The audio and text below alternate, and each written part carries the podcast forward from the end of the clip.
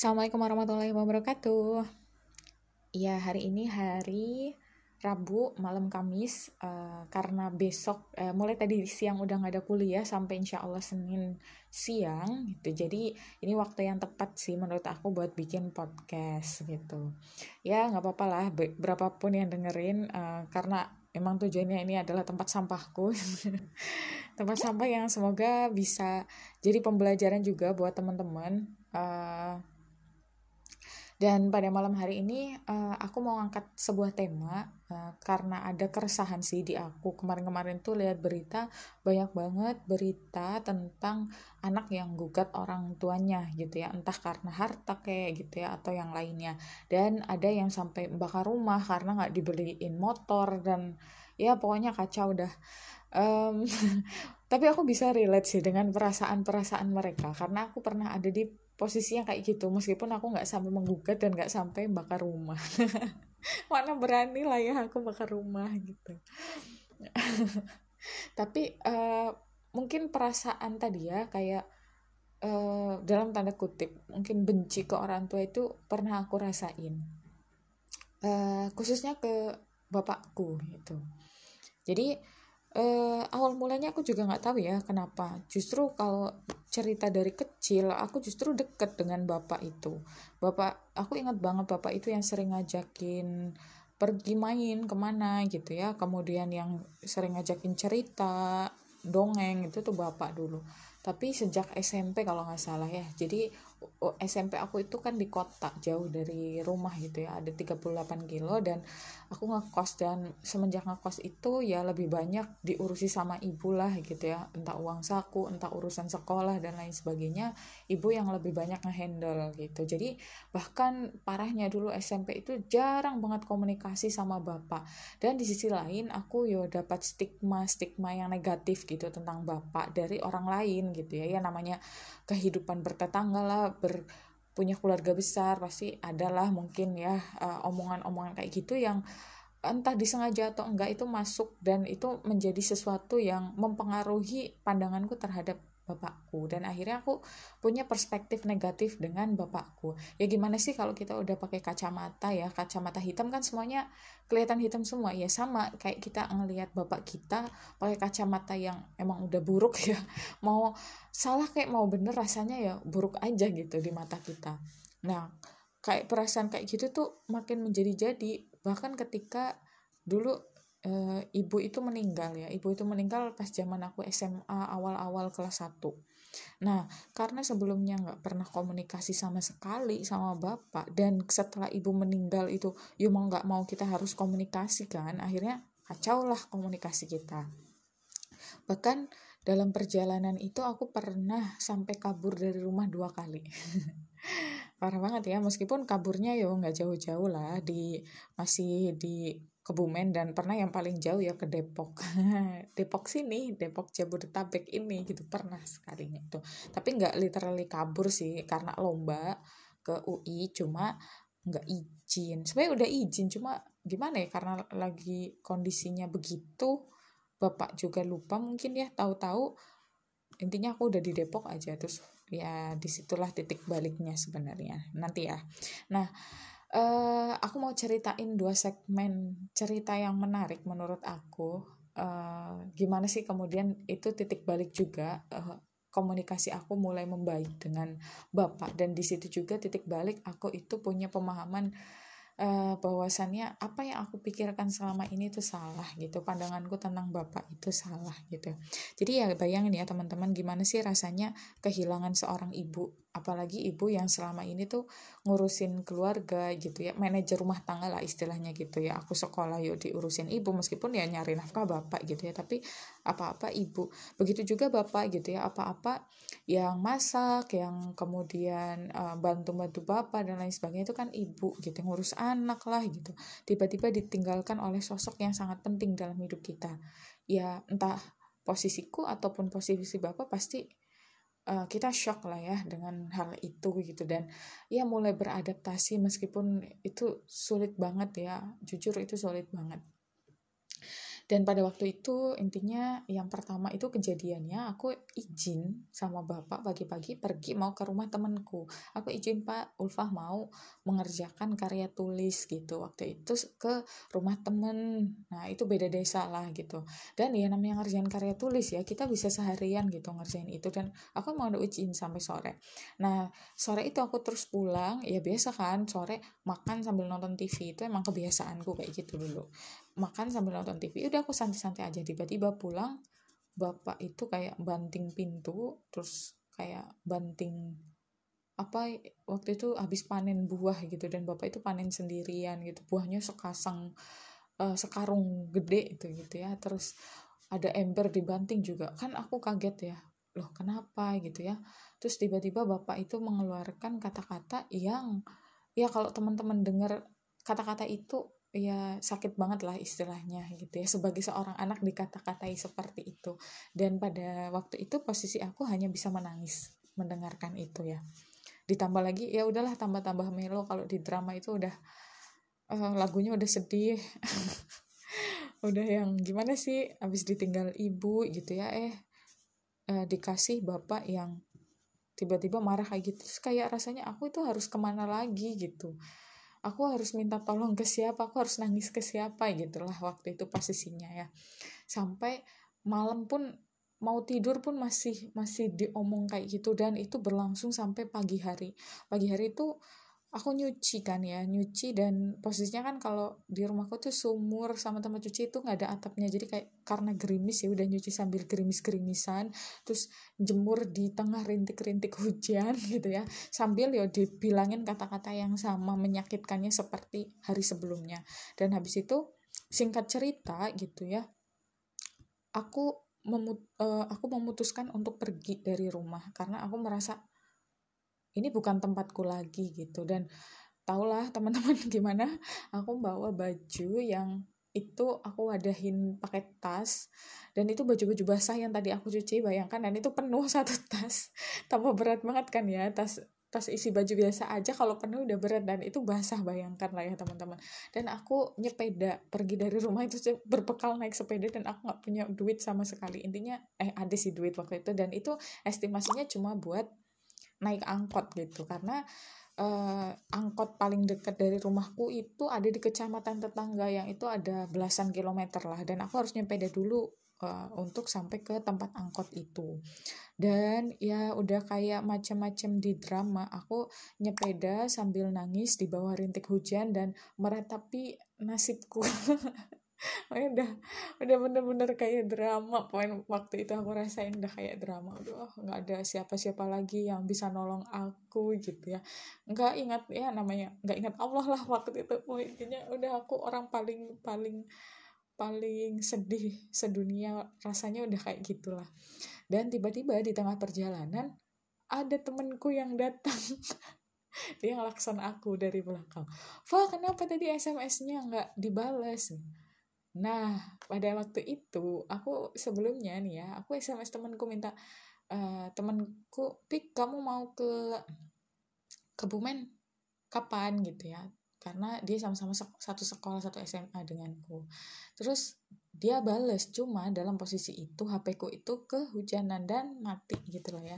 Dan ya udah kayak uh, malaikat penyelamat lah ya si temanku ini dan akhirnya aku naruh sepeda di rumah bule aku yang rumahnya searah dengan arah ke angkot itu. Dan akhirnya aku boncengan lah dengan si teman aku ini. Ya waktu itu pun ya akhirnya jadi salah sangka ya bule itu. Ngiranya si teman aku ini adalah pacar aku. Ya maklum ya pada waktu itu memang belum tahu tentang syariat. Boleh nggak sih boncengan dengan laki-laki dan lain sebagainya? Intinya eh, itu masih yang benar-benar awam banget lah ya udah itu nggak penting sih ya. Nah singkat cerita udahlah setelah aku di Kebumen ke kosan dan aku persami waktu itu. Dan aku waktu itu emang jadi dewan eh belum masih jadi masih jadi belum jadi dewan. Intinya ada kegiatan persami. Dan pulang persami itu tiba-tiba pagi-paginya aku ditelepon sama bule aku yang di Tangerang yang rawat adik aku. Terus tanya Ulfa tahu bapak nikah hari ini? Dan di situlah aku merasa kayak speechless banget nggak bisa ngomong apa-apa dan cuma nangis doang nggak nggak nggak bisa jawab ke bule aku. Kayak di dalam hati aku kayak mikirnya aku beneran udah nggak dianggap anak pak ya sama bapak aku gitu ya. Sampai di titik itu dan di situlah kebencianku itu makin makin lagi ke si bapak gitu ya. Karena ya Allah udah emang fix aku nggak punya siapa-siapa lagi gitu. Dan uh, hari itu juga untungnya teman deket aku namanya Mbak Isna dia itu yang mencoba untuk mendamaikan aku dengan bapakku. Intinya ayo Fah pulang. Dan dinanya bapakku itu SMS paginya gitu ya. Fah pulang. Ada acara penting tapi nggak bilang kalau beliau itu mau nikah gitu. Cuma bilang ada acara penting. Ya aku mikirnya ya, acara penting apa? Gitu kan ya. Nah terus si Mbak Isnanya uh, ngajakin pulang. Terus aku kasih syarat aku mau pulang tapi kalau aku belum baikan dengan bapak aku aku mau lihat sikon dulu ya kalau aku pulang. Kalau emang sikonnya bagus aku akan ya udah pulang. Kalau enggak aku minta mbak anterin aku lagi ke sini gitu. Dan akhirnya oke okay, gitu ya sepakat. Dan alhamdulillah sampai rumah ya dengan dengan uh, tadi ya mediasi dari temen aku itu alhamdulillah akhirnya uh, bisalah terjalin lagi uh, hubunganku dengan bapakku gitu ya. Meskipun ya rada gimana gitu ya dan itu sekalinya konflik yang besar gitu ya. Meskipun aku tahu bapak juga pernah konflik cuma nggak sampai sebesar itu gitu lah ya. Yang nggak sampai yang membuat aku tuh rasanya tuh sakit banget dibilang yang kayak gitu ya. Teman-teman nggak usah tahu lah kata-katanya apa intinya. Itu sesuatu yang sangat menyakitkan.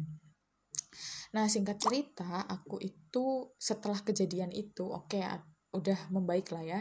Singkat cerita aku uh, mau lomba di UI nah terus aku ngabari lah ke bapakku pak uh, tanggal segini mau ke UI gitu minta doanya ya. Terus bapak bilang oh ya pulang dulu gitu ya nanti bapak kasih uang saku gitu.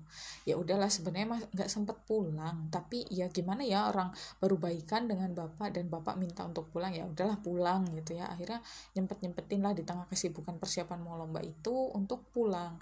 Nah kan tadi aku udah cerita ya kalau uh, angkot terdekat itu di kecamatan tetangga. Jadi aku harus dijemput gitu karena nggak ada kendaraan umum yang sampai ke rumah. Dan bayangkan uh, aku itu uh, sampai di kecamatan tetangga itu udah jam empatan lah ya. Dan itu nunggu sampai jam enaman. Bapak itu belum jemput-jemput gitu. Ya khawatir lah ya anak-anak cewek gitu.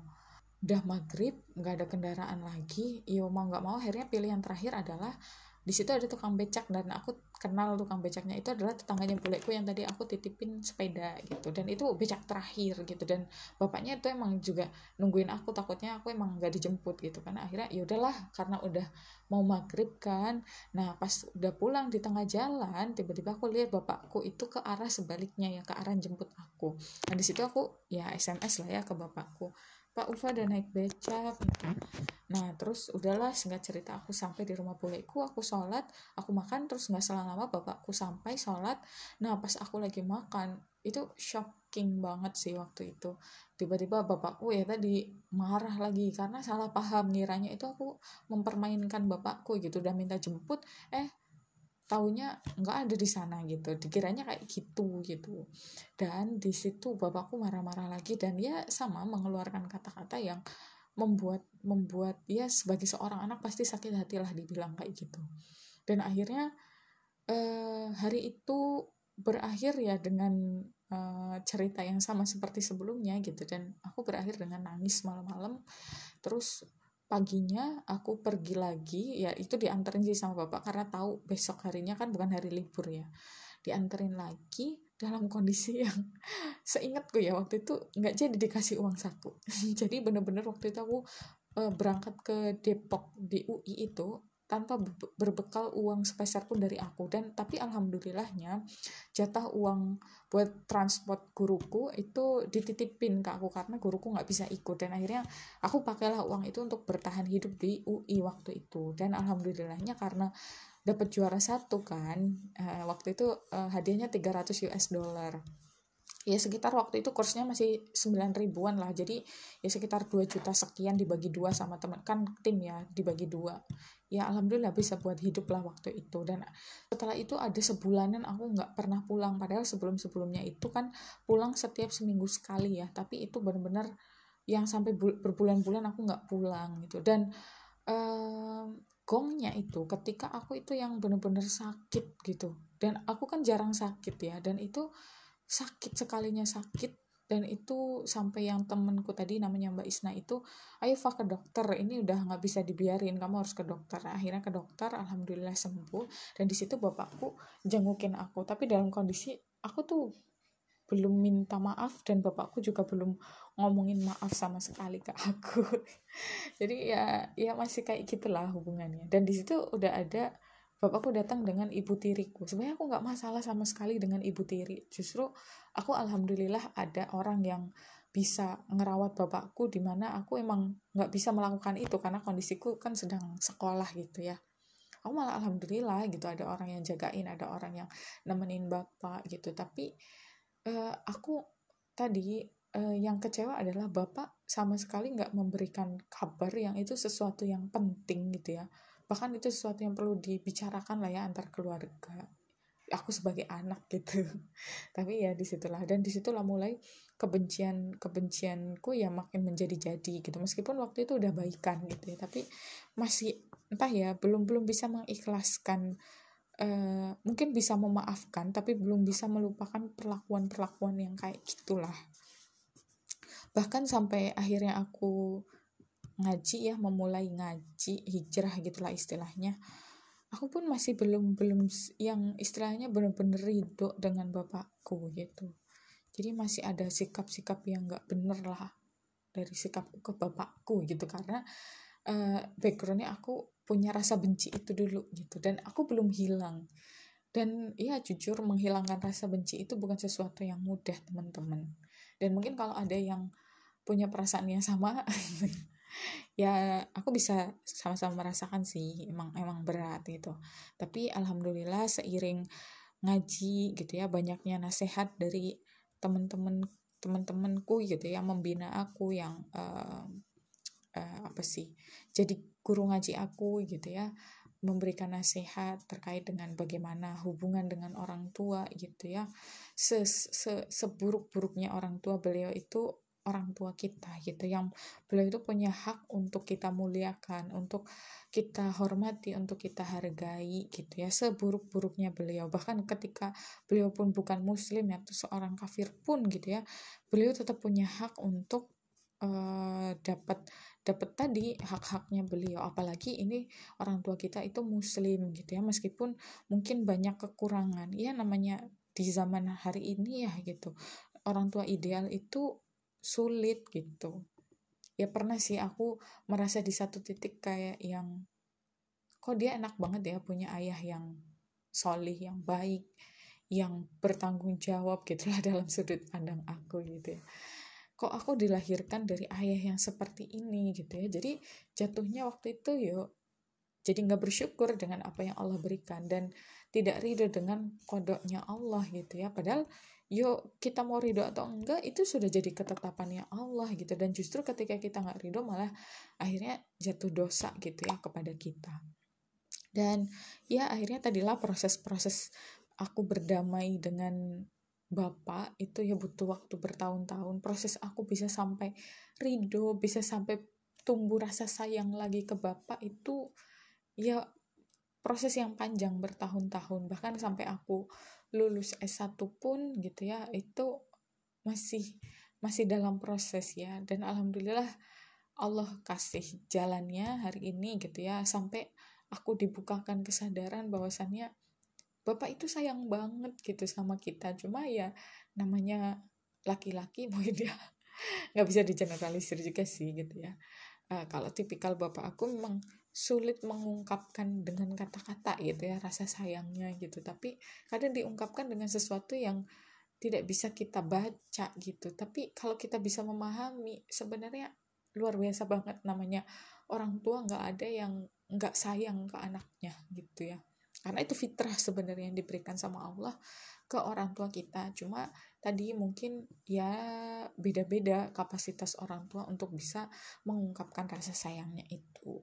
Jadi buat teman-teman yang hari ini mungkin punya masalah dengan orang tua punya perasaan yang nggak enak gitu ya ke orang tua gitu yang perlu kita sadari pertama um, orang tua kita tuh sayang banget loh sama kita.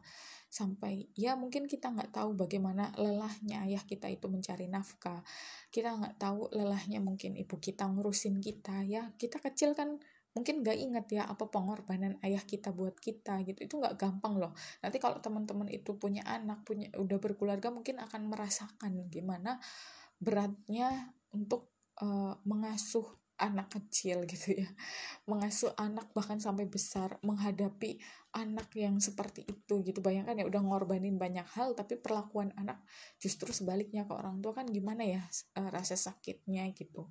Jadi yang pertama tadi ridho dulu ya dengan ketetapannya Allah bahwasannya ya orang tua yang dikasih ke kita adalah yang demikian. Dan nggak mungkin Allah kasih orang tua yang begitu kalau kita nggak mampu untuk uh, bisa mencapai kondisi yang ideal. Artinya Allah kasih ujian mungkin orang tua kita nggak sempurna, orang tua kita banyak salahnya gitu ya, banyak hilafnya.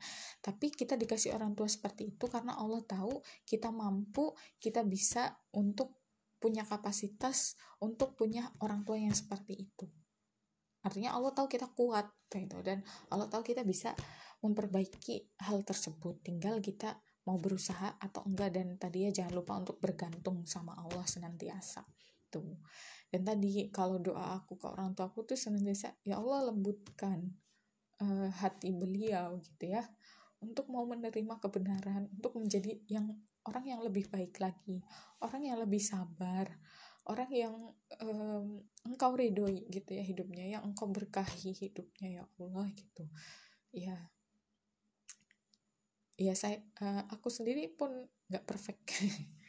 Masih banyak kurangnya juga dan bapak juga masih banyak kurangnya juga dan alhamdulillah um, bapak di titik ini sudah sampai pada kesadaran ya ayo kita itu bareng-bareng menjadi baik. Dan itu masya Allah satu kata-kata yang aku tunggu dari sekian lama dan itu baru terucap ya kemarin-kemarin gitu. Dan alhamdulillah itu rasa bahagia yang luar biasa gitu ya ketika tadi kita melihat perubahan yang luar biasa drastis gitu dari ayah kita gitu ya dari orang yang sebelumnya kita anggap ini nggak mungkin bisa berubah gitu. Ini orang udah jahat gitu. Dulu kan pandangan aku se seperti itu ya sebelum ngaji sebelum tahu bahwa saya Allah itu berkuasa atas segala sesuatunya. Allah itu yang membolak balikan hati. Jadi ya pertama terima dulu kode dari Allah itu kedua berdamailah gitu ya dengan uh, ingatlah gitu ya perjuangan orang tua kita gitu ya.